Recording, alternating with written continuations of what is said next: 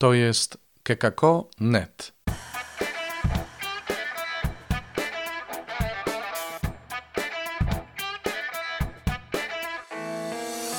Strefa Rodzica, dawniej Klub Rodzica, po dłuższej przerwie wznawia działalność. Zapraszamy na spotkanie z Anetą Chwalisz, poświęcone edukacji domowej i nauczaniu zdalnemu. Myślę, że to bardzo aktualne zagadnienie. Zapraszam.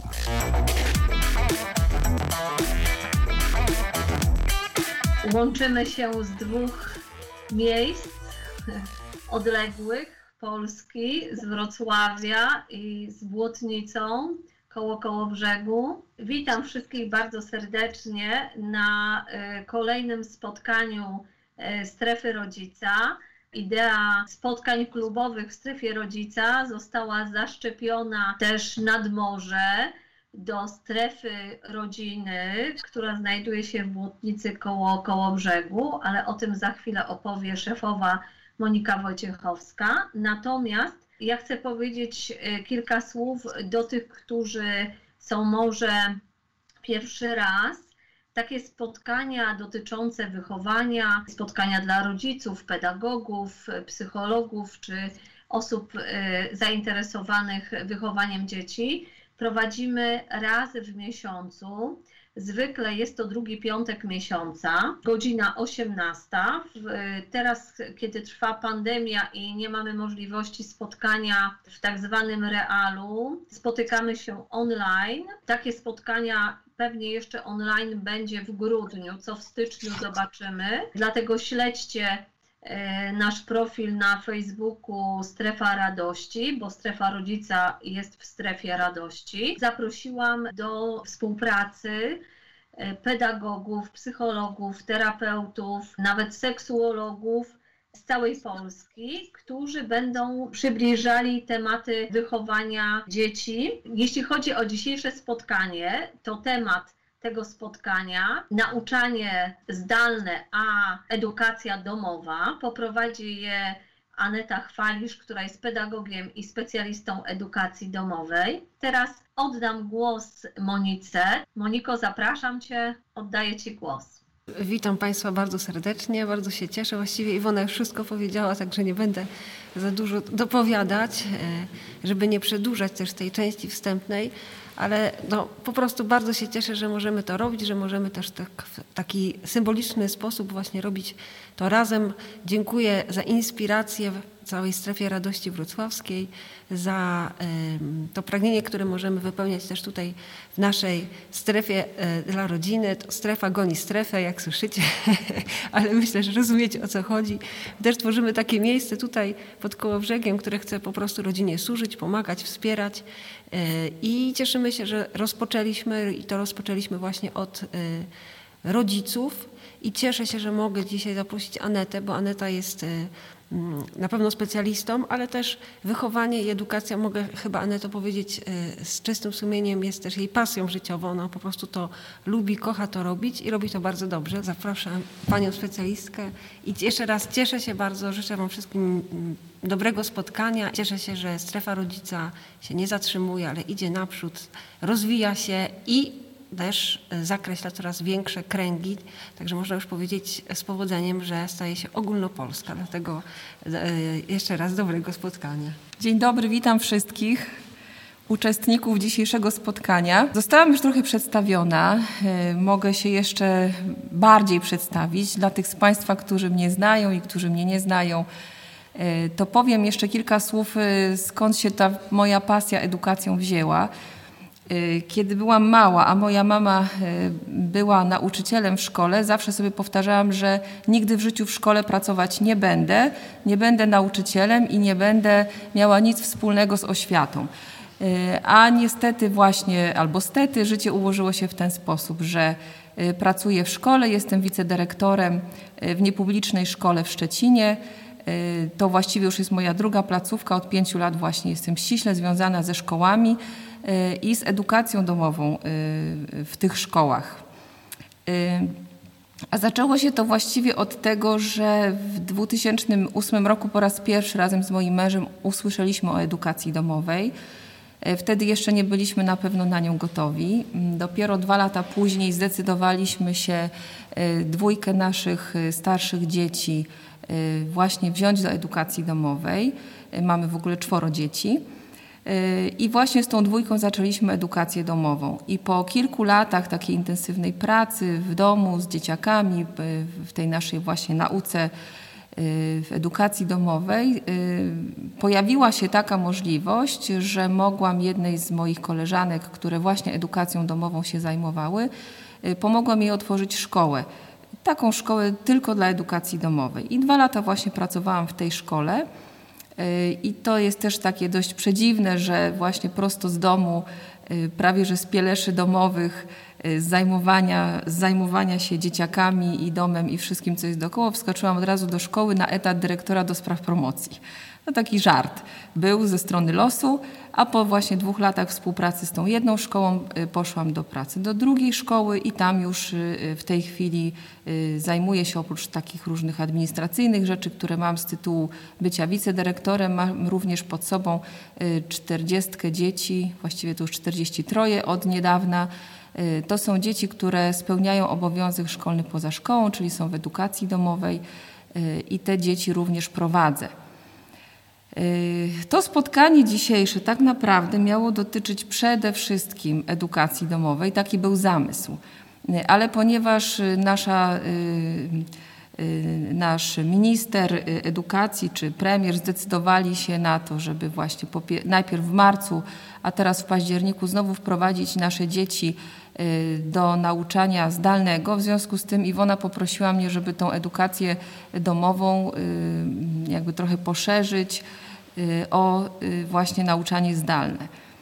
I ja tutaj dzisiaj na dzisiejszym spotkaniu zrobię takie, takie dwie rzeczy. Po pierwsze przedstawię w porównaniu, czym jest edukacja domowa, a czym jest zdalne nauczanie. A po drugie, może niektórym z Państwa pomogę w tym, jak tą edukację zdalną dzisiaj prowadzić, jak zajmować się nauką dzieci w domu w chwili, kiedy my się na to sami nie decydowaliśmy. Mam tutaj taką ściągę, sobie przygotowałam, żeby Państwa trochę przeprowadzić przez to spotkanie. Zacznę od edukacji domowej, ponieważ jest to y, dziedzina jakby bliższa mojemu sercu. Jestem wielką entuzjastką edukacji domowej. Y, wszystkie nasze dzieci przez tą edukację domową przeszły y, na różnych etapach edukacji, bo i w szkole podstawowej, i w gimnazjum. W tej chwili nasza najstarsza córka została studentką, syn w drugiej klasie liceum chodzi do szkoły i dwie córki, bliźniaczki właśnie są w ósmej klasie też mm, po edukacji domowej, teraz są w szkole, aczkolwiek w szkole, y, w której są, w ich klasie jest y, aż czworo dzieci, więc y, uważam, że edukację domową nadal kontynuujemy, tylko w trochę innej formie. Jeśli chodzi o edukację domową i o, i o zdalne nauczanie, to w obydwu przypadkach mamy do czynienia z, z takim z decyzją prawną, tak? z jakimś zapisem prawnym, który umożliwia i jedno i drugie, ponieważ w Polsce zasadniczo y, dzieci muszą chodzić do szkoły i obowiązek szkolny spełniają w szkole. Taka jest zasada. Y, natomiast y, w prawie oświatowym, w ustawie w artykule 37 jest taki zapis, że w niektórych przypadkach na wniosek rodziców dzieci mogą spełniać obowiązek szkolny poza szkołą. Czyli one nadal realizują podstawę programową na danym etapie edukacyjnym, ale robią to w domu. I tak jak mówię, jest to artykuł 37 prawa oświatowego, y, Dziennik Ustaw z 2017 roku. Natomiast jeśli chodzi o zdalne nauczanie, również jest rozporządzenie y, ministra edukacji, a wcześniej premiera, y, o tym, że dzieci mogą spełniać właśnie obowiązek szkolny, ucząc się w domu. One nie przestają być uczniami szkoły, ale z racji właśnie pandemii muszą, nie, nie mogą chodzić do szkoły i muszą Y, uczyć się y, zdalnie, y, pozostając w domu. I tutaj wchodzimy na taki drugi etap, znaczy na, doty, dotykamy drugiej kwestii odpowiedzialności. W edukacji domowej odpowiedzialność za naukę, czyli za realizację pro, podstawy programowej ponoszą rodzice. I w momencie, kiedy taki rodzic składa podanie do dyrektora szkoły, takie podanie z prośbą o umożliwienie dziecku realizacji podstawy programowej w domu, on zobowiązuje się do tego, że będzie dziecko uczył, że bierze na siebie obowiązek y, nauki tego dziecka oraz oświadcza to, że będzie to dziecko raz w roku przystępować do egzaminów y, rocznych. Y, I tutaj jest też ustawa prawo oświatowe, określa z jakich przedmiotów dzieci zdają egzaminy, nie ze wszystkich tych, które są w szkole. I z, I z, tych przedmiotów, na przykład w, klasie, w klasach 1-3 to są dwa egzaminy, czyli egzamin z edukacji wczesnoszkolnej i z języka obcego. W klasach starszych odpowiednio jest to polski, język obcy, matematyka, historia, y, przyroda, potem geografia i biologia, później jeszcze oczywiście chemia, fizyka, drugi język obcy. Y, generalnie nie zdaje się egzaminów z tych y, przedmiotów takich artystycznych typu właśnie y, plastyka, technika, WF, muzyka i z takich dodatkowych. I także, tak jak mówię, w edukacji domowej obowiązek ten szkolny jest realizowany przez rodziców. Rodzic nie musi mieć wykształcenia pedagogicznego. Ja nie miałam takiego wykształcenia. Dopiero, dopiero w ubiegłym roku ukończyłam studia pedagogiczne. Z zawodu jestem socjologiem. Więc rodzic nie musi mieć y, wykształcenia pedagogicznego, żeby zajmować się edukacją domową, natomiast na nim spoczywa obowiązek i odpowiedzialność za to, czy dziecko realizuje podstawę programową. W przypadku nauczania zdalnego y, tą odpowiedzialność nadal ponosi szkoła, y, czyli szkoła, a zatem dyrektor i nauczyciele przedmiotowi. W związku z tym organizacja takiej nauki jest zupełnie inna. Y, no i właśnie, dochodzimy tutaj y, do następnego punktu, czyli do punktu tego, jak ta edukacja domowa i jak zdalne nauczanie y, wyglądają. Jeśli chodzi o edukację domową, to tak jak znam już od, od wielu lat, znam wiele rodzin w edukacji domowej, to powiem tak, tyle ile rodzin, tyle stylów i metod prowadzenia nauki. Każda rodzina ma swoją metodę, swój styl, swój sposób na dziecko czy na dzieci. Y, edukacja domowa daje taką możliwość rodzicom, że naprawdę w sposób bardzo indywidualny mogą dostosować metody pracy do możliwości dziecka. Jeżeli dziecko jest zdolne, y, potrafi samodzielnie pracować, wiadomo, że możemy wtedy y, podstawę programową poszerzyć o zupełnie nowe horyzonty, o pasję dziecka. Ono te podstawowe zagadnienia w bardzo szybki sposób chwyta, uczy się i potem może się zajmować naprawdę już swoimi pasjami, tym, co kocha robić, co lubi robić. Y, I, I, w ten sposób realizuje zdecydowanie poszerzony zakres materiału. Jeśli chodzi o dzieci słabsze, no to tak samo rodzice mogą y, więcej czasu, bardziej indywidualny sposób poświęcić dziecku na naukę, na przykład więcej czasu na matematykę czy na język obcy, y, więcej pracy na konkretach, czyli jeżeli dziecko ma na przykład w matematyce problemy z z tabliczką mnożenia, z jakimiś działaniami, no to przechodzi, nie przechodzimy od razu do abstrakcji w matematyce, tylko cały czas pracujemy na konkretach, na pomocach, na patyczkach, kuleczkach i wszystkim, co jest y, w matematyce dostępne. Y, podobnie też w edukacji domowej możemy więcej uczyć się w sposób praktyczny, czyli na przykład całe, całą przyrodę, wszystkie zagadnienia związane z edukacją przyrodniczą, czy to w klasach 1-3, czy w klasach starszych, możemy y, realizować w sposób bardzo praktyczny y, w lesie, na polu, na łące, no tam gdzie jesteśmy, niekoniecznie tylko realizując podręcznik, tak, czytając zagadnienia z podręcznika. Dotyczy to też właśnie przedmiotów takich jak chemia, fizyka, później w starszych klasach. Y, język obcy również możemy bardziej praktycznie realizować poprzez wyjazdy. My na przykład z naszą rodziną dużo bardzo wyjeżdżaliśmy i nasza edukacja domowa to była y, taka bardzo często w drodze. Y, wiele tematów z historii zrealizowaliśmy właśnie podróżując po Polsce mm, i realizując Y, y, na przykład, nie wiem, jakieś zajęcia w Biskupinie, w Gnieźnie, w Krakowie, w Gdańsku, w Warszawie. To wszystko, co dotyczyło akurat y, tematów z historii, to staraliśmy się realizować gdzieś w podróży. Y, poza tym edukacja domowa daje nam taką możliwość, że pracujemy w czasie, który nam najbardziej odpowiada. Jeżeli mamy w domu śpiochy, no to nie będziemy ich budzić o 6 rano, żeby od 8 y, już realizować z nimi lekcje, tak, zadania różne. Y, tylko dostosowujemy ten czas do możliwości, do predyspozycji dziecka. Jeżeli dziecko się szybko męczy, to pracuje, pracujemy w takich interwałach na przykład pół godziny na pół godziny. Jeżeli dziecko jest bardziej wytrwałe i pracowite, to fundujemy mu naukę przez dwie godziny ciurkiem, a potem ma wolne. Y, tak? Czy ktoś się uczy y, wieczorami, więc dajemy mu taką możliwość, żeby po prostu uczył się wieczorami. Także jeśli chodzi o, o czas, jeśli chodzi o rok, tak, to można egzaminy roczne zdawać już od listopada. Egzaminy roczne to nie są egzaminy zdawane tylko w czerwcu, ale, obowiąz- ale mm, egzamin roczny polega na tym, że dziecko zdaje egzamin z materiału, który w ciągu roku się realizuje w szkole. Czyli jeżeli dziecko w ciągu dwóch czy trzech pierwszych miesięcy roku szkolnego nauczy się już zagadnień z biologii na przykład czy z geografii, to już będzie mógł zdawać taki egzamin na jesień. I ja już na przykład e, w swojej szkole mam kilkoro dzieci zapisanych na e, koniec listopada właśnie na egzaminy z biologii, z geografii, z informatyki, tak, bo one już nauczyły się, mm, opanowały ten zakres materiału, mogą zdać egzamin i skupić się na innych przedmiotach.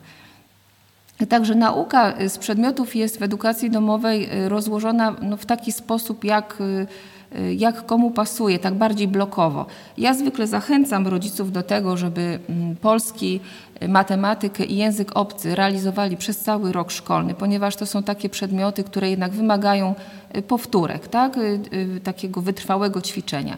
Natomiast materiał z biologii, geografii, przyrody, historii można rzeczywiście opanować w ciągu dwóch, trzech miesięcy zdać egzamin, a potem sobie ewentualnie realizować już tylko swoje jakieś rodzinne y, projekty, y, właśnie na przykład wyjazdowe do Biskupina, Krakowa czy gdzieś w świat i w ten sposób uczyć się y, historii. Jeśli chodzi natomiast o naukę zdalną, no cóż, tu jest, tu jest bardzo duże ograniczenie. Y, jeśli chodzi o realizację materiału. Po pierwsze, y, musimy robić tą naukę zdalną y, w tym czasie, kiedy szkoła jest otwarta, czyli od poniedziałku do piątku w godzinach, nie wiem, 8.15, 8.16, jak, w zależności od tego, jak szkoła taką naukę zorganizuje. Po drugie, jeżeli są to lekcje online, czyli lekcje prowadzone właśnie na przykład przez platformę Teams czy jakąś inną szkolną platformę, one odbywają się w konkretnych godzinach, tak jakby dzieci chodziły do szkoły, e, tylko nie idą do szkoły, sobie siedzą w domu i się łączą na konkretne zajęcia o konkretnej porze. Materiał jest realizowany płynnie, czyli nie można nauczyć się na przykład przyrody w ciągu dwóch, trzech miesięcy i już mieć temat z głowy, tylko systematycznie z lekcji na lekcję trzeba się przygotowywać i ten materiał realizować.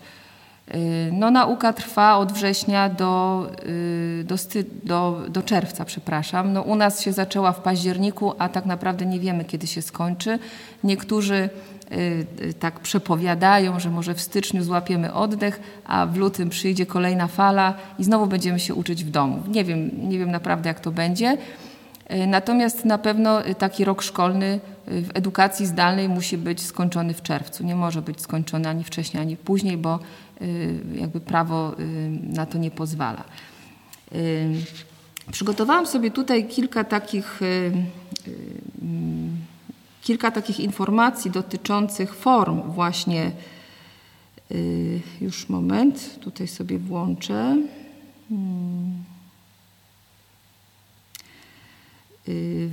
Jeśli chodzi o naukę zdalną, to y, może tak, jeszcze powiem krótko o edukacji domowej. W edukacji domowej, tak jak już wcześniej y, wspomniałam, różne formy i metody dostosowujemy do dzieci, do naszych y, jakby możliwości, do jakichś takich naszych potrzeb, pasji i tak. W edukacji zdalnej no nie mamy takich możliwości. I edukacja domowa, edukacja zdalna. Mm, jest realizowana na takich czterech jakby poziomach. Pierwszy poziom to jest taka edukacja korespondencyjna, tak bym to nazwała, e, czyli e, polega to na tym, że nauczyciel wysyła zadania do dziecka, e, dziecko odrabia takie zadania i skany lub w jakiejś inny, w innej formie te zadania odsyła do nauczyciela, on to sprawdza i wystawia dziecku ocenę. Jeśli chodzi o przepraszam, coś mi tutaj. Jeśli chodzi o drugi, yy, drugą metodę yy, w takim właśnie nauczaniu zdalnym, to jest model wielomodułowy, to się tak nazywa, czyli mamy y, do czynienia właśnie z kartami pracy, czy z, takim, z taką formą korespondencyjną, y, jak również z połączeniami, czyli od czasu do czasu odbywają się lekcje online, tak jak my teraz się spotykamy. Y, nauczyciel robi wykład i to jest taka najprostsza forma, kiedy dziecko tylko widzi nauczyciela. Czasami e, jest taka możliwość, że dzieci biorą, jeżeli są mniejsze grupy, dzieci biorą udział w lekcji, czyli mogą coś powiedzieć, zadać pytanie, albo nauczyciel zadaje pytanie, czeka na odpowiedź e, i wywiązuje się pewna rozmowa. Aczkolwiek z doświadczenia wiem, że tak jak w naszej szkole się to odbywało, wcale to nie jest takie proste, ponieważ y, w grupie większej niż 4-5 osób y, robi się bardzo duże zamieszanie, chaos y, właśnie w takiej dyskusji i zwykle trzeba było właśnie prowadzić do tego, żeby dzieciom wyłączać mikrofony, ponieważ nikt się już nie słyszał. Więc ten, ten, model wielomodułowy właśnie to jest oparty na materiałach pisanych i na tych właśnie mm, ewentualnie lekcjach online. Y, jest taki kolejny model, y, on się nazywa, to jest model, tele, to jest model telenauczania. No niestety w Polsce my w zasadzie chyba go nie realizujemy, bo y, telenauczanie polega na tym, że y, następuje bardzo żywa interakcja pomiędzy prowadzącym a uczestnikiem. Czyli na przykład y, nauczyciel udostępnia swój monitor czy jakiś program i dzieci na żywo realizują jakieś zadania, y, dają odpowiedzi, y, tak? czy to są jakieś gry multimedialne, w których bierze udział cała klasa. Prawdę mówiąc, nie wiem, czy jakakolwiek szkoła to realizuje w Polsce. My w naszej szkole próbowaliśmy robić właśnie w małych grupach takie, takie zadania czy formy testów, ale to też jest dość utrudnione. No i nauczanie elastyczne, w którym właśnie proces eduka edukacyjny wykorzystuje również włączenie filmów, y, płyt CD, y, takich właśnie y, interaktywnych gier i zadań, w których właściwie ciężar edukacji jest przerzucony bardziej na ucznia, a nauczyciel jest takim moderatorem tak, tego procesu nauczania. Te dwa ostatnie modele, o których mówiłam, to są przede wszystkim, proszę Państwa, realizowane w Australii. My jeszcze do tego poziomu y, nie dorośliśmy i pewnie nie dorośniemy. Y, my realizujemy przede wszystkim w Polsce ten model korespondencyjny, czyli przesyłanie kart pracy i odsyłanie do nauczycieli, i ten drugi model, taki właśnie korespondencyjno-onlineowy, czyli jakieś lekcje odbywają się przez Teams w połączeniu z zadaniami domowymi.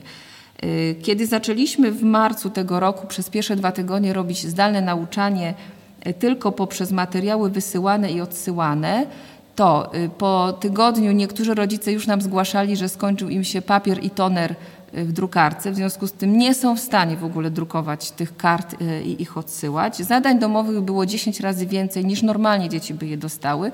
Mój syn, który był wtedy w pierwszej klasie liceum, śmiał się, że Y, że chociaż raz w roku nauczyciele w ogóle zrealizują podstawę programową, ponieważ wpychali im wszystkie tematy po kolei z rozkładów materiału, które tam tak po sobie następowały. Mm, y, więc my szybko jako szkoła przeszliśmy właśnie do takiego zdalnego nauczania w formie online, że nasze klasy łączyły się z nauczycielami na platformie Teams. Y, po dwóch tygodniach takich właśnie lekcji teamsowych, teamsowych mieliśmy kryzys Y, kryzys polegał na tym, że jak moje osobiste córki wychodziły z, y, z pokoju y, po takich, po takich dwóch dniach, trzech dniach siedzenia non-stop przy komputerze, wyglądały jak zombie. Bo taki, taka praca przy komputerze no przede wszystkim wysysa energię. Tak? Niebieskie światło emitowane przez monitor wcale nie wpływa na nasze mózgi dobrze, a już tym bardziej na mózgi dzieci. Tu zrobię taki nawias. Będzie kiedyś takie spotkanie, które przygotowuję odnośnie właśnie wpływu smartfonów, telefonów i komputerów na nasze dzieci i na nas samych. To, ale to zrobimy, proszę Państwa, na żywo, a nie w tej formie, no bo to by było zaprzeczeniem tego, co chciałabym powiedzieć. E, teraz nie mamy wyjścia, teraz musimy się e, nastawiać na emitowanie niebieskiego światła. Y, także, tak jak mówię, to nauczanie zdalne przez Teamsy właśnie było również negatywne, znaczy miało negatywny wpływ na nasze dzieci, ponieważ nauczyciele Często lekcje nie trwały pół godziny czy 20 minut, ale równe 60 minut, ponieważ komuś się zerwało połączenie, nie słyszał, nie widział, więc lekcja się przedłużała do 60 minut. Więc zaczęliśmy y, z kolei robić takie dni offline'owe, czyli dzieci na przykład co drugi dzień miały zadania y, do zrealizowania w domu, jakieś karty pracy, y, a co, a co drugi dzień z kolei tak miały połączenia online, czyli poniedziałki, środy, piątki były online, a wtorki i czwartki miały offline. Tak, czyli sobie siedziały w domu i realizowały zadania przy pomocy kart pracy. Y, teraz nasza szkoła, y, w naszej szkole stacjonarnej jest y, niespełne tam ponad 40 dzieci, tak drugie tyle jest w edukacji domowej. Więc dzieci, które teraz uczą się stacjonarnie, nadal przychodzą do szkoły, ponieważ mm, jest zarządzenie oczywiście odgórne, że mamy lekcje mieć zdalne, aczkolwiek są nawiasy i takie różne, wiecie Państwo, takie kropeczki i to, co jest drobnym drukiem. I ten drobny druk informuje szkoły o tym, że jeżeli dzieci mają trudności w edukacji zdalnej, czyli na przykład mają problem z komputerami, z łączeniem się, jakieś techniczne problemy, albo bardzo źle znoszą ten rodzaj edukacji, dyrektor szkoły musi im y, zorganizować naukę w domu. I jeżeli macie Państwo takie dzieci lub znacie takie dzieci, to ci rodzice jak najbardziej mogą napisać do y, dyrektora szkoły prośbę o umożliwienie Y, lekcji na terenie szkoły. A u nas wszyscy rodzice, poza może wyjątkiem trzech osób, y, wszyscy bardzo usilnie nas poprosili, żebyśmy robili lekcje stacjonarne dla naszych dzieci, y, także je cały czas realizujemy. Nie zeszliśmy do poziomu właśnie Teamsów, bo widzieliśmy, że to bardzo źle wpływa na rozwój naszych dzieci, na funkcjonowanie rodzin, bo to Y, bo to y, wiecie Państwo, jak, jak są klasy starsze, to oni sobie jeszcze zorganizują naukę, a takie maluchy w 1-3 to naprawdę trzeba z nimi siedzieć i wszystko to robić. Y, dlatego właśnie my robimy cały czas edukację. Od przyszłego poniedziałku przejdziemy tylko w klasach starszych na takie hybrydowe nauczanie, to znaczy w poniedziałki i piątki dzieci będą robić zadania domowe w domu, a we wtorki, środy i czwartki będą uczyć się w szkole i w ten sposób zrealizują podstawę programową Y, w szkole. Tak? Y, no i tutaj właśnie dotykamy znowu edukacji domowej, ponieważ y, w edukacji domowej to rodzice decydują się na to, żeby uczyć dzieci w domu. I to jest ich świadomy wybór, świadoma decyzja. Oni chcą w takiej formie, oni chcą w ten sposób żyć, przyjmują edukację domową trochę jako swój styl życia. Natomiast nauczanie zdalne narzuca na rodziców konieczność uczenia swoich dzieci. Bo nawet jeżeli to dziecko otrzyma jakieś materiały do zrealizowania, no to kto z nimi to zrobi?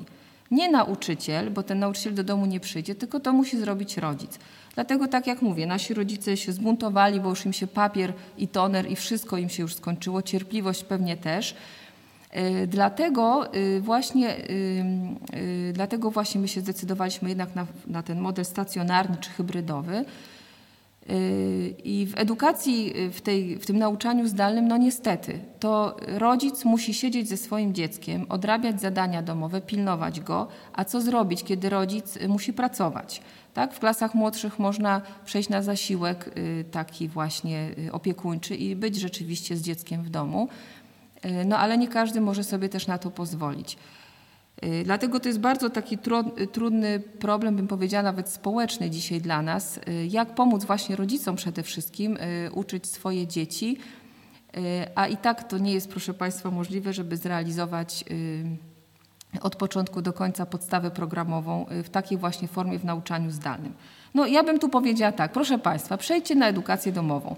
My mamy takie dzieci w naszej szkole, które właśnie od września tego roku po zdalnym nauczaniu na wiosnę rodzice zdecydowali się, żeby przejść od września na edukację domową i pięcioro dzieci z naszej szkoły y, po prostu nadal są uczniami naszej szkoły, ale teraz są w edukacji domowej, są szczęśliwi, bo przychodzą tylko na egzaminy, a rodzice y, stwierdzili, że skoro i tak mam ich uczyć, tak, czy i tak muszę swoje dziecko uczyć w domu, zrobię to w sposób dla siebie dogodny, czyli w tym czasie, kiedy mi pasuje, w formie, która mi pasuje, zdając egzaminy końcowe i mając wszystko Y, że tak powiem, w nosie.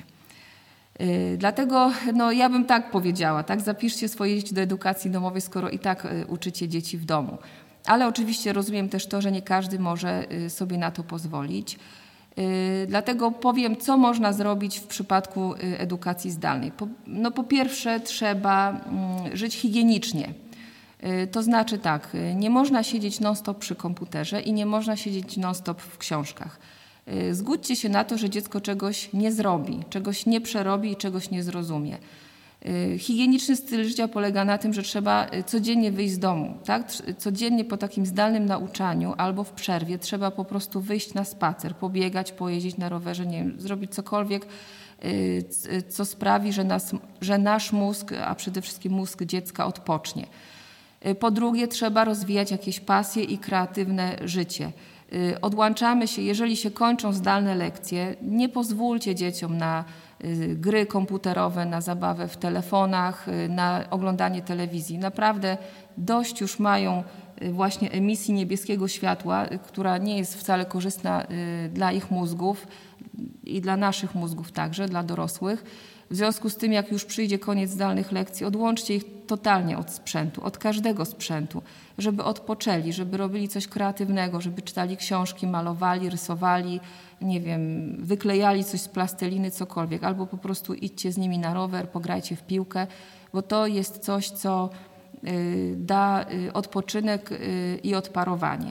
Jeżeli czasami wasze dziecko nie połączy się na zdalne lekcje, naprawdę też się nic nie stanie, trudno będzie miało nieobecność, e, wy jesteście w stanie ten materiał z nimi przerobić. E, a trudno, tak jak mówię, jeżeli czegoś nie zrobi, to nie zrobi. Już Państwa pocieszę, ci, którzy, ci z Was, którzy mają dzieci w ósmej klasie albo w maturalnej, e, nasz nowy minister edukacji zapowiedział, że podstawa programowa na egzaminie ósmoklasisty i na Y, egzaminie gimna, y, maturalnym, gimnazjum już nie ma, na egzaminie maturalnym y, będzie okrojona. Także oni już biorą pod uwagę to, że, że dzieci nie są w stanie opanować całej podstawy programowej.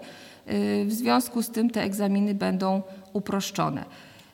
Tegoroczne matury, czyli matury 2020, niestety nie były tak przeprowadzone, ponieważ już w styczniu 2020 roku zostały przygotowane testy maturalne. 2000, y, dwa miesiące później przyszła pandemia i nikt już tych testów nie zmienił, więc tegoroczni maturzyści y, pomimo tak potem mm, pomimo tego, że nie mogli mieć już indywidualnych konsultacji przed maturami, zdawali matury takie pełne, tak, bez okrojonej podstawy. Jedyne to, czego nie mieli, to nie mieli egzaminów ustnych. Natomiast już przyszłoroczne matury i egzaminy ósmoklasisty y, będą miały okrojoną podstawę programową. Może i y, ci kolejni, czyli w 2022 roku też y, taką podstawę będą mieć okrojoną. Ja powiem Państwu też tak, że patrząc na, na materiał, który nasze dzieci muszą zrealizować w szkołach, ja przygotowuję wszystkie podstawy programowe dla edukacji domowej. Czyli przeczytałam wszystkie podstawy od 1 do 8 y, ze wszystkich przedmiotów, z których dzieci zdają y, egzaminy. To jest, proszę Państwa, ogrom materiału. Jak ja zaczęłam to czytać, a musiałam niestety to przeczytać, ponieważ dla rodziców musiałam przetłumaczyć ten, ten mm, język trudny z, z, rozkładów materiałów. Musiałam im to przetłumaczyć, żeby oni zrozumieli, co mają, czego mają uczyć swoje dzieci to ja się nie dziwię, że dzisiaj y, minister edukacji i, i, nauczyciele mają problem, jak to wszystko zrealizować, ponieważ to jest w normalnym życiu nie do zrealizowania, a w edukacji zdalnej tym bardziej. W związku z tym, a w edukacji domowej jest to możliwe, ponieważ naprawdę dzieci uczą się tylko podstawy programowej.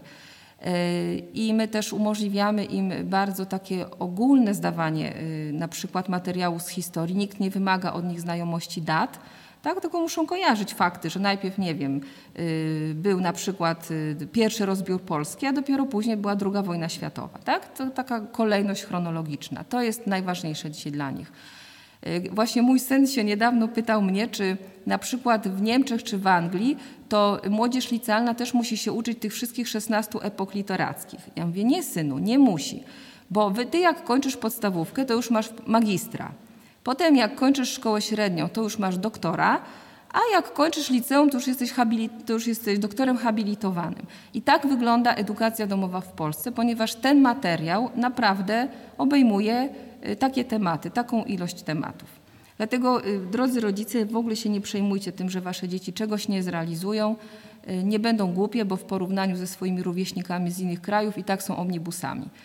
Doktorzy habilitowani po zdaniu matury. Także moja córka, studentka, to już robi profesurę, bo już właściwie cóż jej innego zostaje.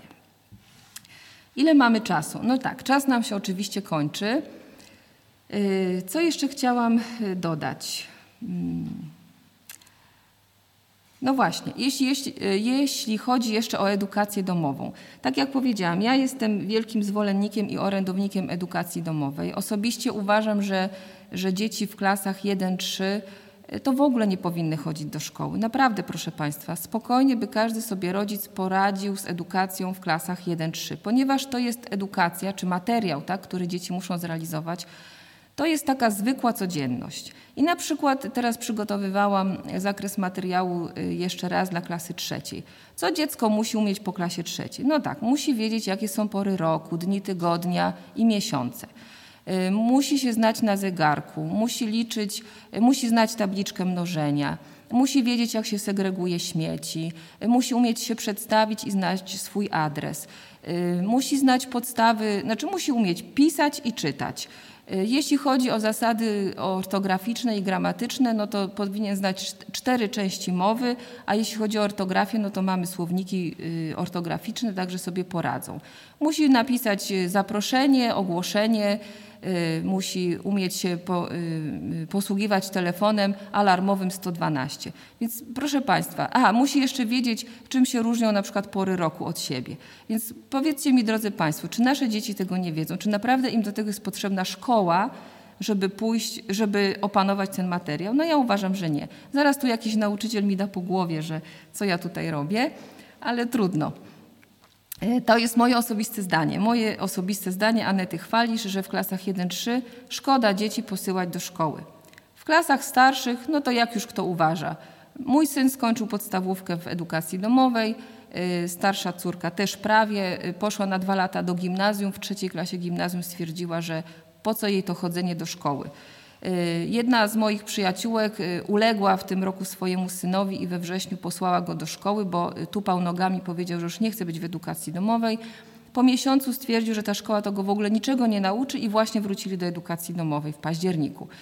Więc no nie wiem, jeżeli jesteście zainteresowani edukacją domową, to naprawdę polecam. A kto nie chce albo nie może, to też się za bardzo nie przejmujcie tym, jak dzieci y, wychodzą y, w szkole, ponieważ tak jak mówię, ogrom materiału, podstawy programowej y, to jest no, nie do ogarnięcia przez dzieci. To jest nie do ogarnięcia, więc nie piłujcie ich, że muszą mieć same piątki i szóstki, czasami im odpuśćcie. Jeśli jeszcze chodzi o edukację domową, to y, powiem coś takiego. W 2017 roku, w czerwcu, odbyła się w Szczecinie na, y, w Kolegium Baltikum taka konferencja o edukacji domowej, zatytułowana Edukacja domowa, teoria i praktyka. Y, po tej konferencji na YouTubie jest, są filmiki, są nagrane filmiki, są nagrane wypowiedzi różnych osób, które w praktyce zajmują się edukacją domową. Y, też pokonferencyjnie powstała taka książka. Y, widzicie Państwo tą książkę? Tak wygląda ta książka. Tak? Ona jest zatytułowana Edukacja domowa, teoria i praktyka pod redakcją Danuty Tomczyk i Mirosława Zająca. Y, tutaj są zawarte w niej różne właśnie wypowiedzi teoretyków, czyli pedagogów, socjologów, psychologów, historyków pedagogiki odnośnie edukacji domowej, a także na przykład między innymi y, artykuł, mój artykuł o edukacji domowej y, w mojej rodzinie. Tak? To jest taka książka. Y, drugą książkę, którą mogę Państwu polecić, to jest Edukacja domowa jako styl życia, bo ja osobiście uważam, że edukacja domowa jest właśnie stylem życia, bo ona bardzo determinuje życie całej rodziny. Y, świetnie buduje relacje y, rodziców i dzieci, pozwala roz, y, całej rodzinie rozwijać się, nie tylko dzieciom, ale całej rodzinie pozwala się rozwijać.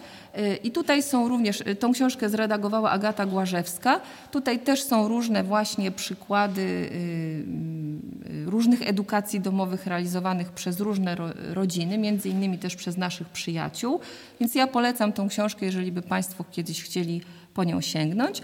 I jest jeszcze jedna taka książka, nie mam jej osobiście przy sobie, aczkolwiek ją czytałam. Zaraz Państwu pokażę zdjęcie.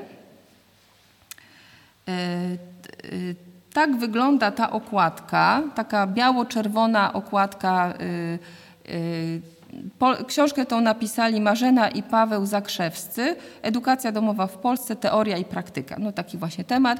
E, tu też są przykłady, e, opisane różne mm, przykłady rodzin, które realizują edukację e, domową w sposób praktyczny. E, także gdybyście chcieli czegoś więcej się właśnie o samej edukacji domowej do, y, dowiedzieć, to właśnie albo te książki, albo właśnie nagrania y, pokonferencyjne z Kolegium Baltikum, czerwiec 2017. Jeżeli sobie w Google'ach wpiszecie konferencja na temat edukacji domowej, to tam ten materiał automatycznie wyskoczy i można właśnie między innymi, tam są wypowiedzi moje, mojego męża, mojej najstarszej córki, i innych moich y, koleżanek zaprzyjaźnionych właśnie z edukacji domowej. Y, czy coś jeszcze chciałam dodać? Chyba to już będzie wszystko. Na pewno temat nie jest wyczerpany. Myślę, że udało mi się pokazać chociaż troszkę w zarysie różnicę między edukacją domową a nauczaniem zdalnym, które dzisiaj przeżywamy w Polsce. E, przeczytam sobie pytania z czatu, jeżeli są jakieś pytania dotyczące takich praktycznych rozwiązań o jednej czy drugiej metodzie edukacyjnej, e, to również e, postaram się na nie odpowiedzieć. A teraz zapraszam Iwonka, tak, na pięciominutową przerwę. Teraz jest czas na to, żeby na czacie napisać pytanie a Anetka sobie chwilę odpocznie, zapozna się z tymi pytaniami i tak za 5 minut wracamy.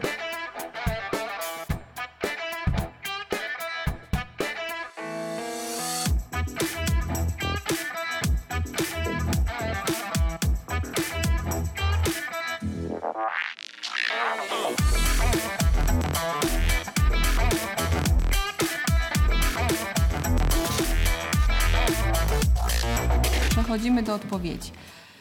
No, y, pytania są y, właściwie, no cóż, dotyczą dwóch tematów: edukacji domowej i zdalnego nauczania. Y, ja postaram się tak, y, może nie w kolejności, tak, tylko skupię się może y, najpierw na tych y, dotyczących edukacji domowej, bo jest ich troszeczkę mniej i myślę, że szybciej będę w stanie na nie odpowiedzieć. Tutaj jedna z uczestniczek y, zadała mi takie pytanie na przykład, jak argumentować, y, jakie argumenty przedstawić dyrektorowi szkoły, jeżeli chce się dziecko przenieść do edukacji domowej? Żadnych argumentów, po prostu pisze się podanie. Zwracam się z uprzejmą prośbą, tak oczywiście w nagłówku dyrektor szkoły, zwracam się z uprzejmą prośbą o, prze, o przyjęcie mojego dziecka takiego i takiego w tym i w tym wieku, y, aby spełniało obowiązek szkolny poza szkołą w roku szkolnym tam 2020 na 21, chociaż nawet tego nie trzeba pisać. Po prostu piszecie Państwo prośbę do dyrektora szkoły, tak? O umożliwienie spełniania obowiązku szkolnego poza szkołą.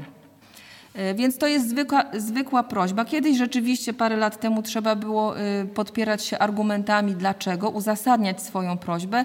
Natomiast w tej chwili nie trzeba, są gotowe wzory takich podań w internecie.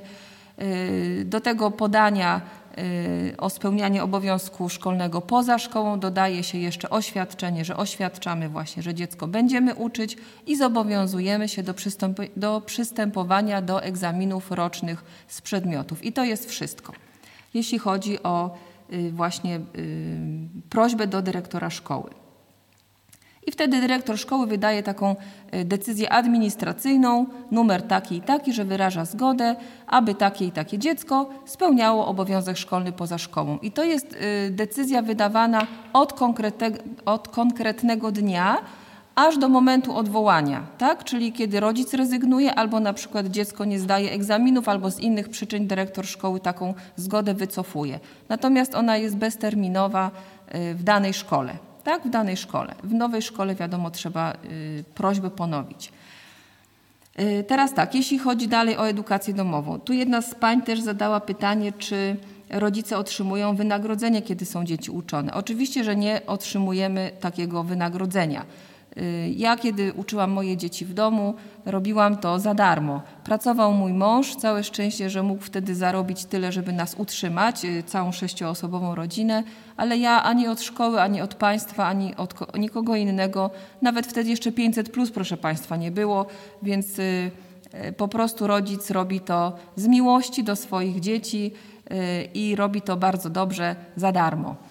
Y, natomiast szkoła czasami, y, byłam w takiej właśnie szkole i teraz też w takiej jestem, że szkoła y, może refundować zakup niektórych materiałów edukacyjnych, tak, jakiś tam, nie wiem, kredek, papieru, książek i tak dalej, dla dzieci uczących się w domu oraz może na przykład, no właściwie nie, nie może, ale musi, wypożycza podręczniki szkolne z biblioteki szkolnej, żeby dzieci mogły się z nich uczyć.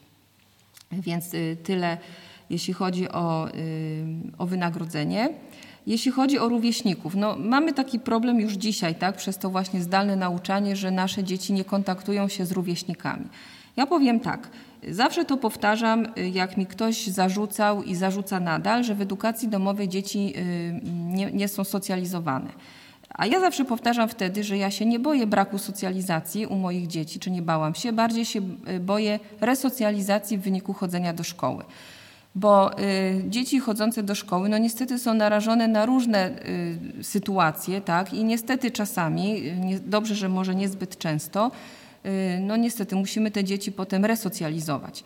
Natomiast wiem i znam takich rodziców, i to jest moje osobiste doświadczenie, że to właśnie rodzice otwarci na świat, otwarci na ludzi, komunikatywni, tacy rodzice przede wszystkim decydują się na edukację domową, bo oni chcą właśnie otworzyć świat dla swoich dzieci. I to są rodzice bardzo często y, tacy, którzy mają wielu znajomych. Y, te dzieci cały czas przebywają w jakimś środowisku, niekoniecznie rówieśniczym, ponieważ nie ma takich badań, które udowadniają, że dziecko potrzebuje rówieśnika do tego, aby się społecznie rozwijać. Dziecko potrzebuje drugiego człowieka, a nie rówieśnika, tak?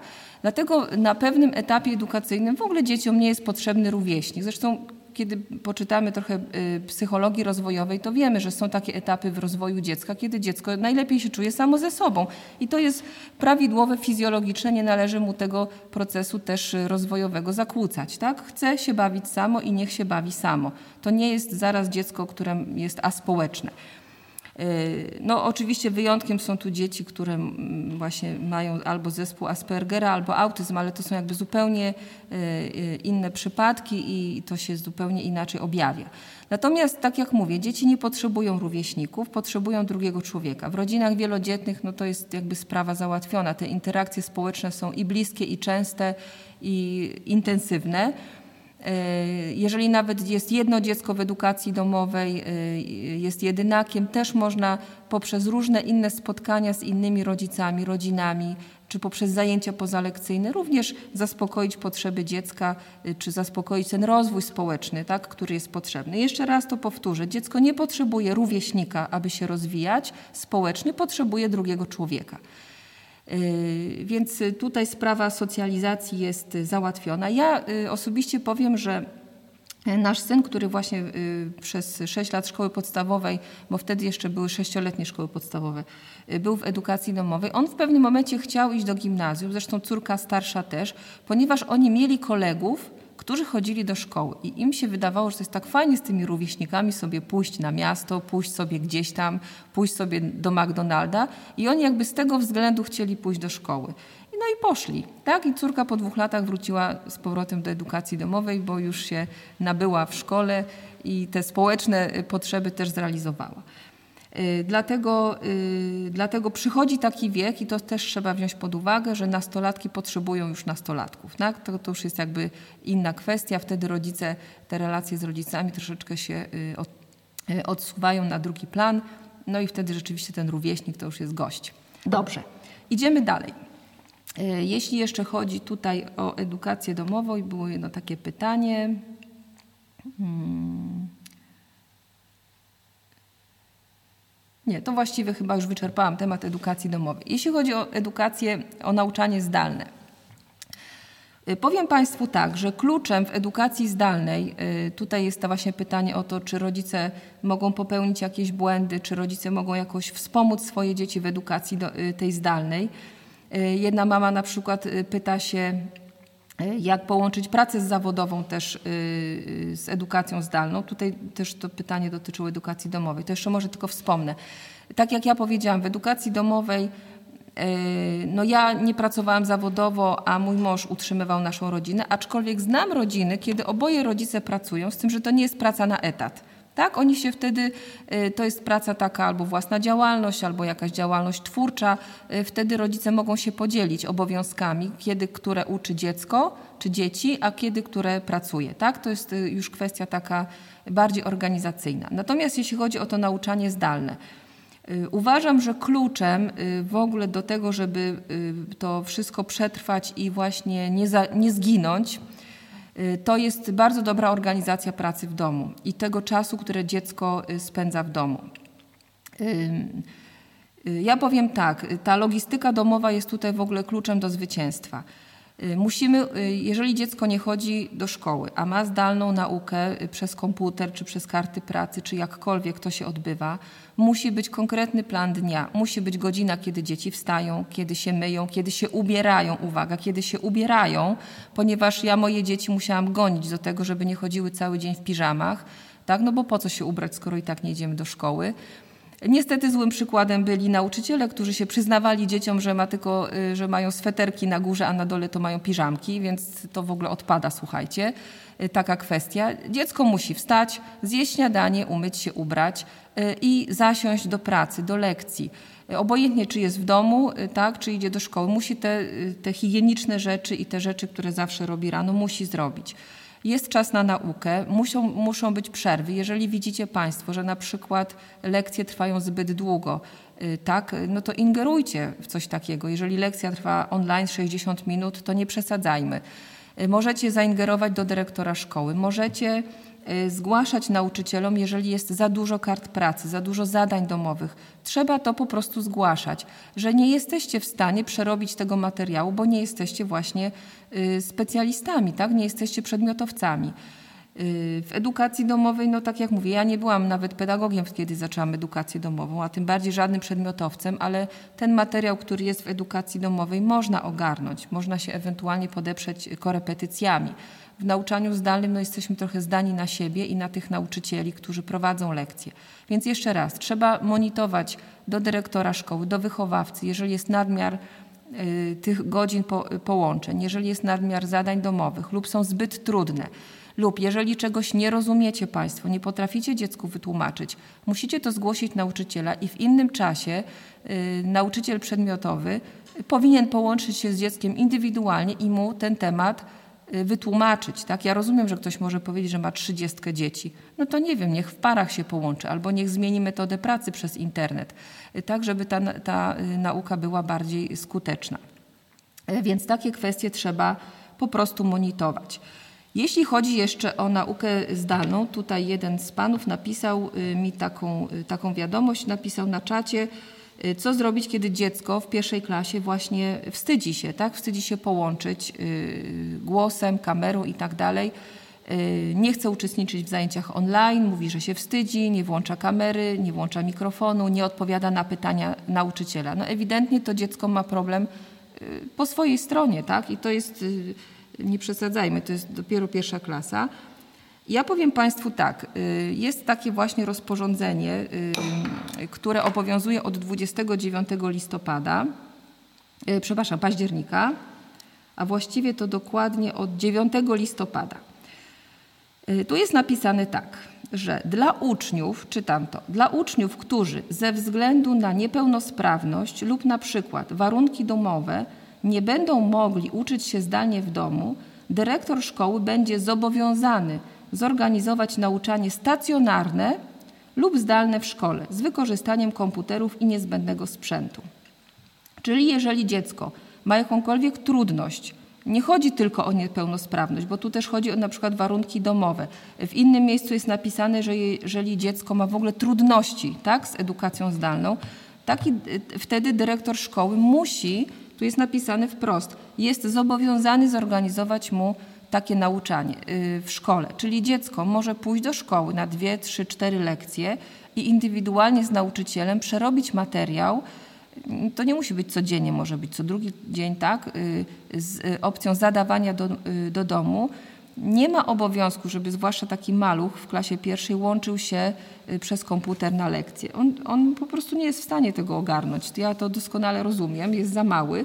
Dlatego można się zgłosić z, z prośbą do dyrektora szkoły, aby umożliwił takiemu dziecku czy takim dzieciom właśnie naukę stacjonarną. I my właśnie to w naszej szkole robimy, że lekcje y, z podstawy programowej normalnie w naszej szkole się odbywają, tak żeby dzieci, te właśnie, które mają trudności z połączeniem się, z brakiem, na przykład y, y, tracą koncentrację, nie potrafią obsłużyć komputera, bo to jest jeszcze inna sprawa, a gdzie włączyć głos, a gdzie mikrofon, a gdzie wyłączyć, albo udostępnić coś tam. Dzieci mają z tym trudności. W związku z tym dyrektor szkoły jest zobowiązany zorganizować nauczanie stacjonarne na terenie szkoły. I możecie taką prośbę Państwo do dyrektora swojej szkoły wystosować i on powinien Wam w tej kwestii pomóc. Albo jeżeli powie, że jest to niemożliwe z jakichś tam względów, y, takie dziecko powinno być zwolnione z połączeń online y, i wtedy ma przesyłane tylko na przykład y, właśnie zadania do zrobienia z rodzicem w domu i odesłanie kart pracy, że ten materiał został zaliczony co oczywiście no, jest trudniejsze, bo, bo nie zawsze ci rodzice mogą dziecku pomóc no, po prostu.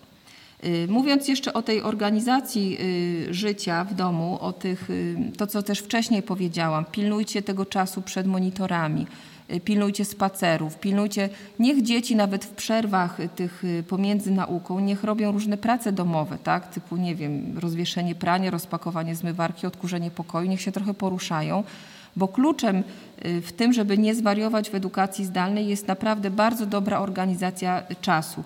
Jeżeli waszym dzieciom to pomoże, napiszcie im normalnie plan dnia. Tak jak powiedziałam, kiedy wstajesz, kiedy się myjesz, kiedy siedzisz y, y, z lekcjami, kiedy idziesz na spacer, kiedy się myjesz wieczorem albo kiedy oglądasz, kiedy czytasz książkę, tak? Napiszcie to dzieciom. Zobaczcie, jaki mają plan lekcji. Jeżeli uznacie, wy rodzice, że tych połączeń jest za dużo, napiszcie do, do wychowawcy, tak? Ja to opracuję z dzieckiem sam, tak? Przeczytamy temat, rozwiążemy kartę pracy i odeślemy, y, bo y, tych połączeń może być po prostu zwyczajnie za dużo, tak? Y, co my tu jeszcze mamy? Aha, jeszcze odnośnie błędów, które rodzice popełniają. No, podstawowym błędem, proszę Państwa, jest to, że rodzice każą swoim dzieciom uczyć się po nocach. No bo tak, dziecko do, do 16 jest w domu samo i realizuje naukę zdalną przez internet, przez karty pracy, jak tam chce. Rodzic przychodzi z pracy i wtedy zaczyna z dzieckiem odrabiać lekcje, tak? czyli uczyć się. I do godziny 24 jest drukowanie kart, odrabianie lekcji, odsyłanie yy, nauczycielom tych zadań. I ja rozmawiałam z jedną taką mamą, która właśnie tak, że tak powiem, brzydko cisnęła swoją córkę, bo chodziło o wynik, tak? Cały czas chodziło o wynik, o oceny i o zaliczenia. Proszę Państwa, nie róbcie tego. Pogódźcie się z tym, tak jak powiedziałam, że dziecko nie zrealizuje całego, całej podstawy w tym czasie nauki zdalnej. No trudno, tak? I tak będzie magistrem po podstawówce, więc już naprawdę nie, nie musicie go cisnąć. Trudno, nie będzie miał piątek, szóstek, będzie miał trójki. Przejdzie do następnej klasy. Yy, nasza szkoła na przykład w ferie chce umożliwić tydzień takich konsultacji tak? dla dzieci, które nie mogły przychodzić yy, lub miały jakieś trudności, żeby wyrównać ten materiał. To też zależy dużo od szkoły. Nie uczcie dzieci po nocach. Sami nie pracujecie po nocach, a każecie dzieciom uczyć się w nocy. No to nie róbcie tego, tak? Bardzo proszę. To jest, to jest jeden z głównych błędów właśnie, które popełniają rodzice. Y, uczenie się po nocach albo y, siedzenie, nadrabianie całego tygodnia w sobotę i w niedzielę. W sobotę możecie popracować do 12, a w niedzielę idźcie z dziećmi gdzieś na spacer, pograjcie w gry, poczytajcie książki. Zostawcie niedzielę dla siebie, dla rodziny w edukacji zdalnej tak jak wy nie pracujecie w niedzielę, tak samo nie każcie się dzieciom, dzieciom uczyć w niedzielę. Zresztą moje dzieci i tak mają w niedzielę zakaz odrabiania lekcji, nawet jeżeli nie było lekcji zdalnych. Tak, niedziela to jest dzień, kiedy wszyscy muszą odpocząć. Co jeszcze tutaj mamy ciekawego?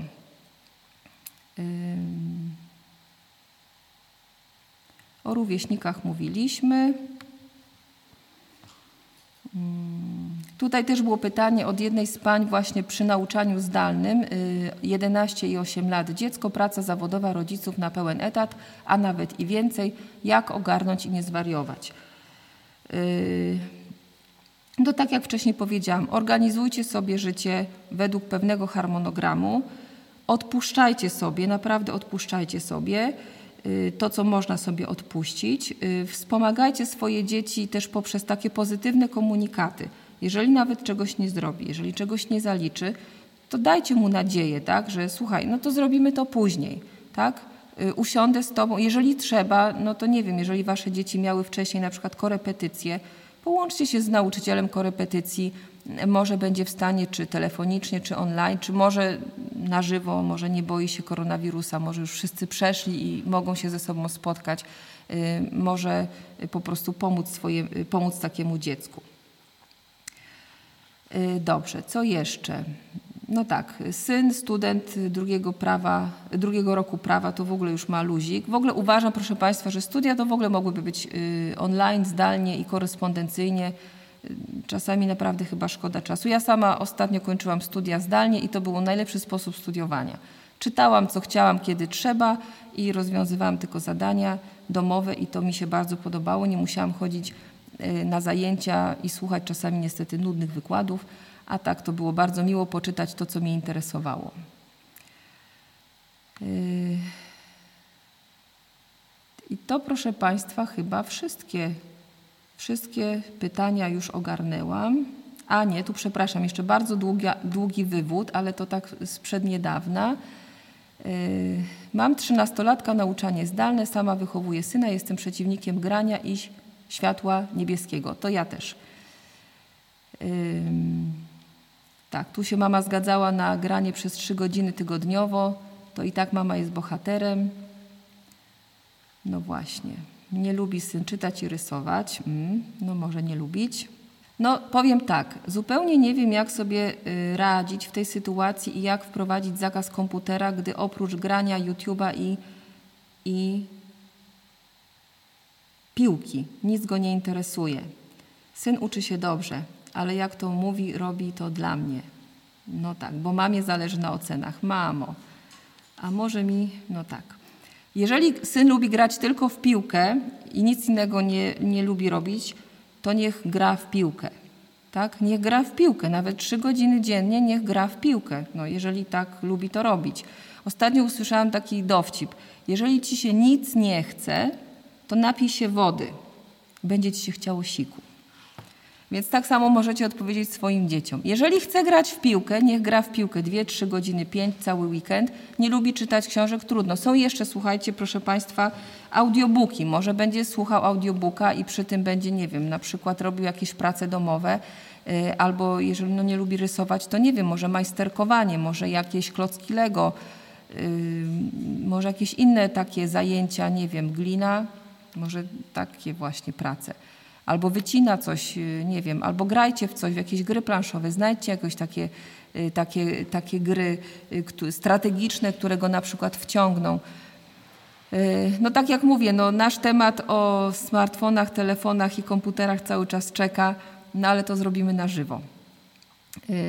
Jeżeli, proszę Państwa, ja też powiem tak, że my w naszej szkole musieliśmy też pomóc niektórym dzieciom, i rodzicom y, w taki sposób psychologiczny, czyli dzieci i rodzice umawiali się z psychologiem szkolnym i niektóre pro problemy wynikające z edukacji tej zdalnej, z tego nauczania, zdalnego musieliśmy realizować y, przy pomocy psychologa. Tak? Psycholog musiał pomóc y, bo na przykład właśnie mieliśmy problem ze zniechęceniem dzieci w ogóle do nauki, do jakiejkolwiek pracy, ale myślę, że to wynika z tego, że było mało ruchu, Y, mało zmiany i też taka stagnacja przed komputerem, co niestety wyciąga energię, energię z człowieka. Y, więc y, musieliśmy się podeprzeć właśnie poradami psychologów w tej kwestii. W kwestii też motywacji do nauki. No, na wiosnę było nam troszeczkę łatwiej, bo mogliśmy sobie wyjść, nawet zadania domowe robić na balkonie czy na ogródku Teraz jest ciemno i zimno i za bardzo nie mamy jak się poruszać. Natomiast jeżeli jest naprawdę już krytycznie, a zwłaszcza jeżeli w domu jest, są jakieś zachowania agresywne, skorzystajcie z pomocy psychologa. Tak? No, nie jesteśmy w stanie sami rozwiązać niektórych problemów, albo skontaktujmy się z kimś, z jakimś innym rodzicem, albo z wychowawcą y, szkolnym, albo z psychologiem szkolnym lub z innym psychologiem zaprzyjaźnionym lub poleconym, żeby pomógł Wam właśnie w takiej y, w tym czasie y, nauki zdalnej, kiedy naprawdę mało z domu wychodzimy, bo to jest ogólny polski problem, to nie jest problem tylko dzieci, które się uczą w domach, ale wiemy już teraz, że bardzo dużo osób cierpi na depresję właśnie wynikającą z siedzenia w domu, z ograniczenia kontaktów międzyludzkich, i to jest taki po prostu problem dzisiaj. A nasze dzieci są tym bardziej na to y, narażone, więc nie bójcie się y, pójść do psychologa czy skonsultować się z psychologiem online y, w takich właśnie kwestiach, jak sobie pomóc z demotywacją, z depresją, z agresją, która u dzieci w tym czasie właśnie zdalnego nauczania no, może się po prostu pojawić. Ja nie widzę więcej tutaj pytań. Y, powiem Państwu tak, na koniec. Y, no, musimy to przeżyć. Nie lubię słowa musimy, y, ale musimy przeżyć tą, tą naukę zdalną dzisiaj i tą w ogóle sytuację, w jakiej jesteśmy, najlepiej jak się da. Wspierajmy się nawzajem, zróbmy sobie dobry harmonogram życia, zaplanujmy sobie to życie na te najbliższe tygodnie i miesiące, także w pracy z naszymi dziećmi i trzymajmy się tych planów. Zachowajmy taki higieniczny tryb życia między właśnie nauką, pracą a odpoczynkiem. Dajmy sobie czas na budowanie wzajemnych relacji w domach, kiedy jesteśmy z dziećmi, poprzez właśnie jakieś rozmowy, gry wspólne, yy, wspólne, nie wiem, gotowanie, sprzątanie czy wychodzenie na spacery. Myślmy o wiośnie, że wiosna po każdej zimie przyjdzie i po jesieni, po zimie przyjdzie zawsze wiosna. Y, kto nie daje rady, to zapraszam do edukacji domowej. W każdej chwili w ciągu roku szkolnego można się do edukacji domowej przenieść, a teraz nawet są takie udogodnienia, że nie trzeba robić y, opinii z poradni pedagogiczno-psychologicznej, bo kiedyś to było wymagane. Dzisiaj przyjmujemy dzieci do edukacji domowej bez tej opinii, czyli wystarczy tylko prośba do dyrektora szkoły i wtedy będziecie odłączeni od właśnie komputerów, Teamsów i innych takich form nauczania Będziecie robić y, naukę swoich dzieci własnych po prostu w domu, według własnych waszych y, potrzeb, czasu i możliwości i zdacie egzaminy na koniec roku, a od przyszłego roku szkolnego, jak się wszystko uspokoi, dalej możecie wrócić do szkoły stacjonarnej.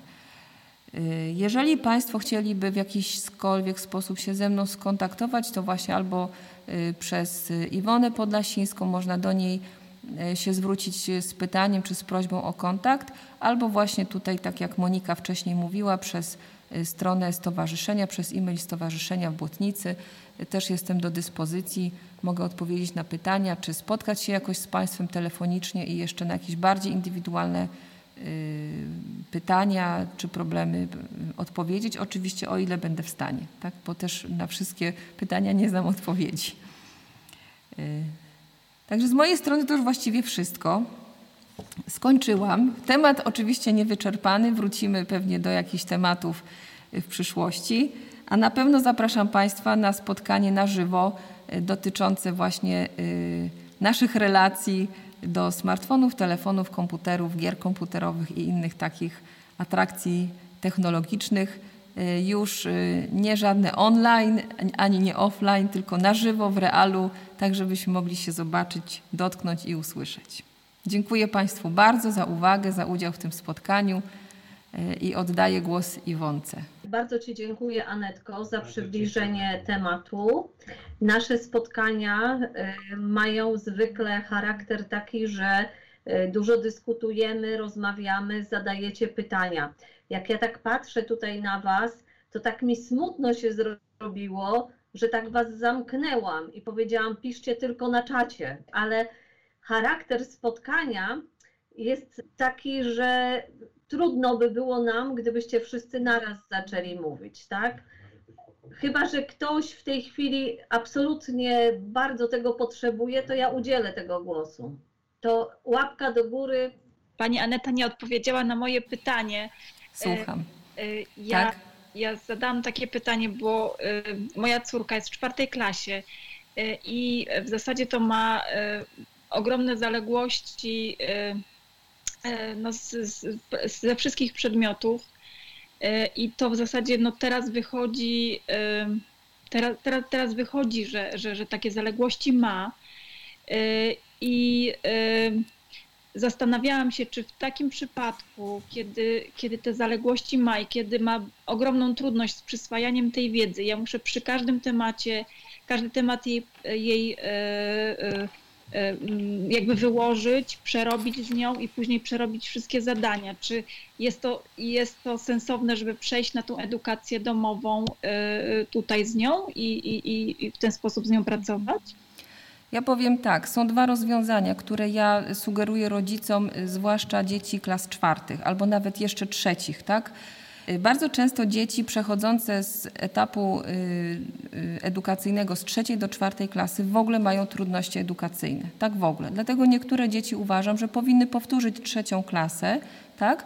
Po to tylko, żeby miały większy komfort psychiczny y, i taki emocjonalny, będąc w czwartej klasie. Tak?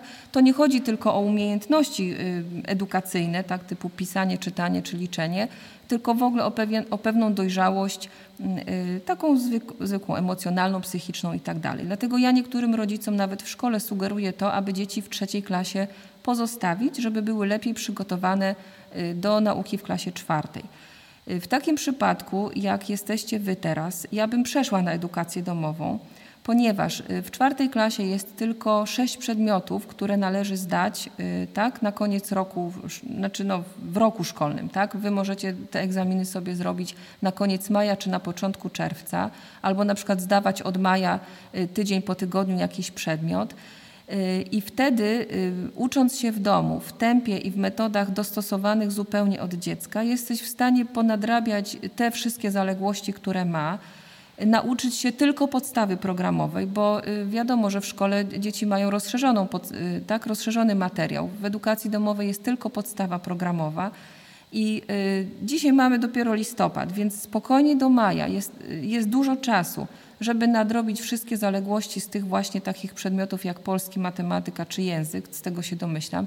Historii się nauczycie bez problemu, bo w ogóle w tygodniu jest tylko jedna godzina historii, tak, w klasie czwartej, więc tego materiału, co prawda to, jest taki materiał, wiecie, od Mieszka I do Jana Pawła II, tak, no po prostu tysiąc lat dzieci muszą opanować, ale to są też tylko zagadnienia pewne.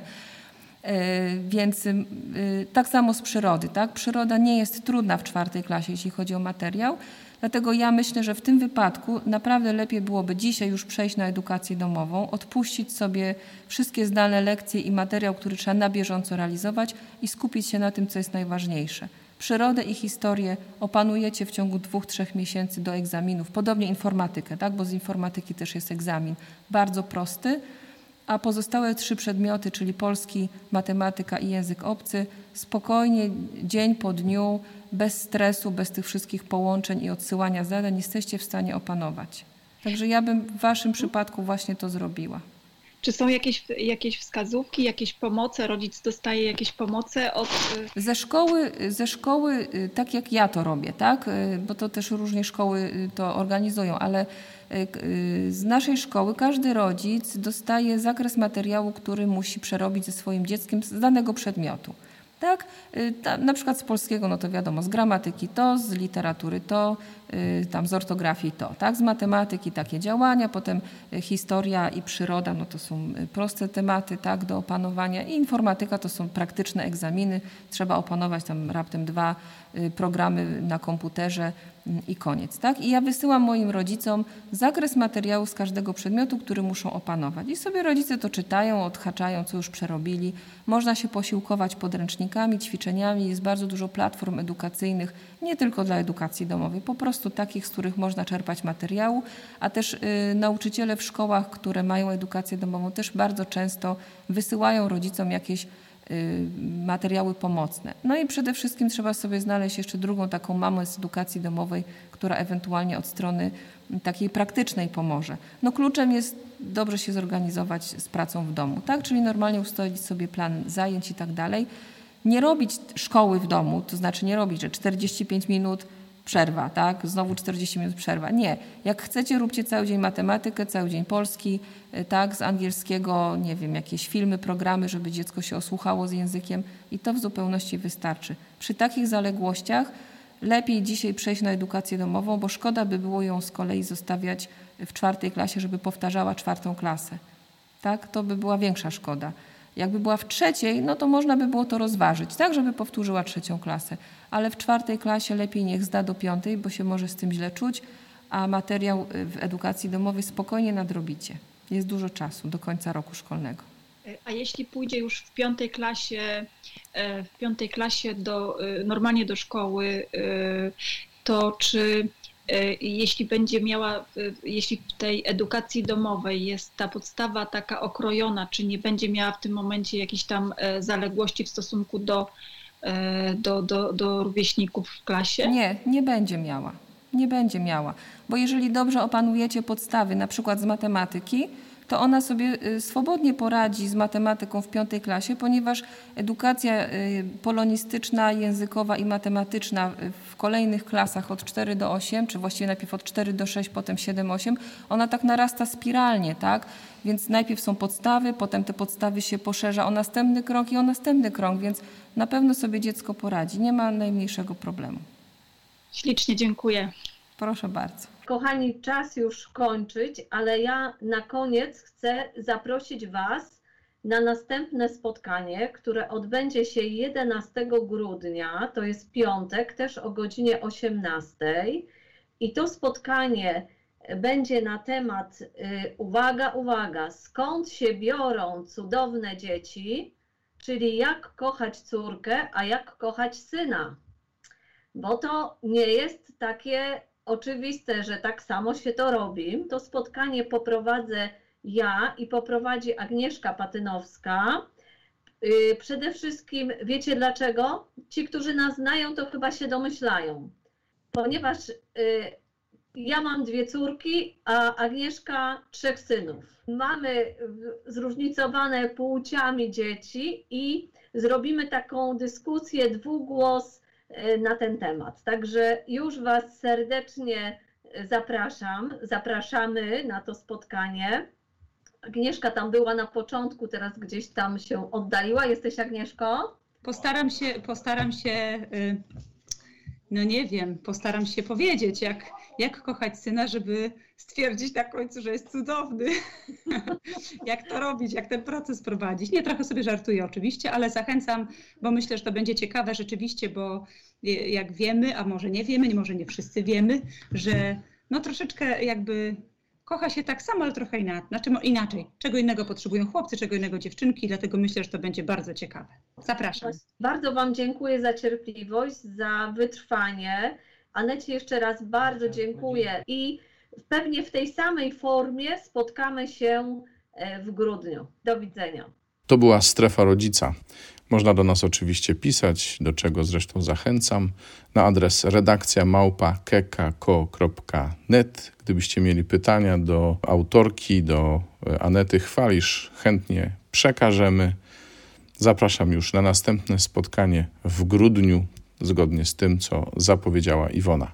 Do usłyszenia. To jest kekako.net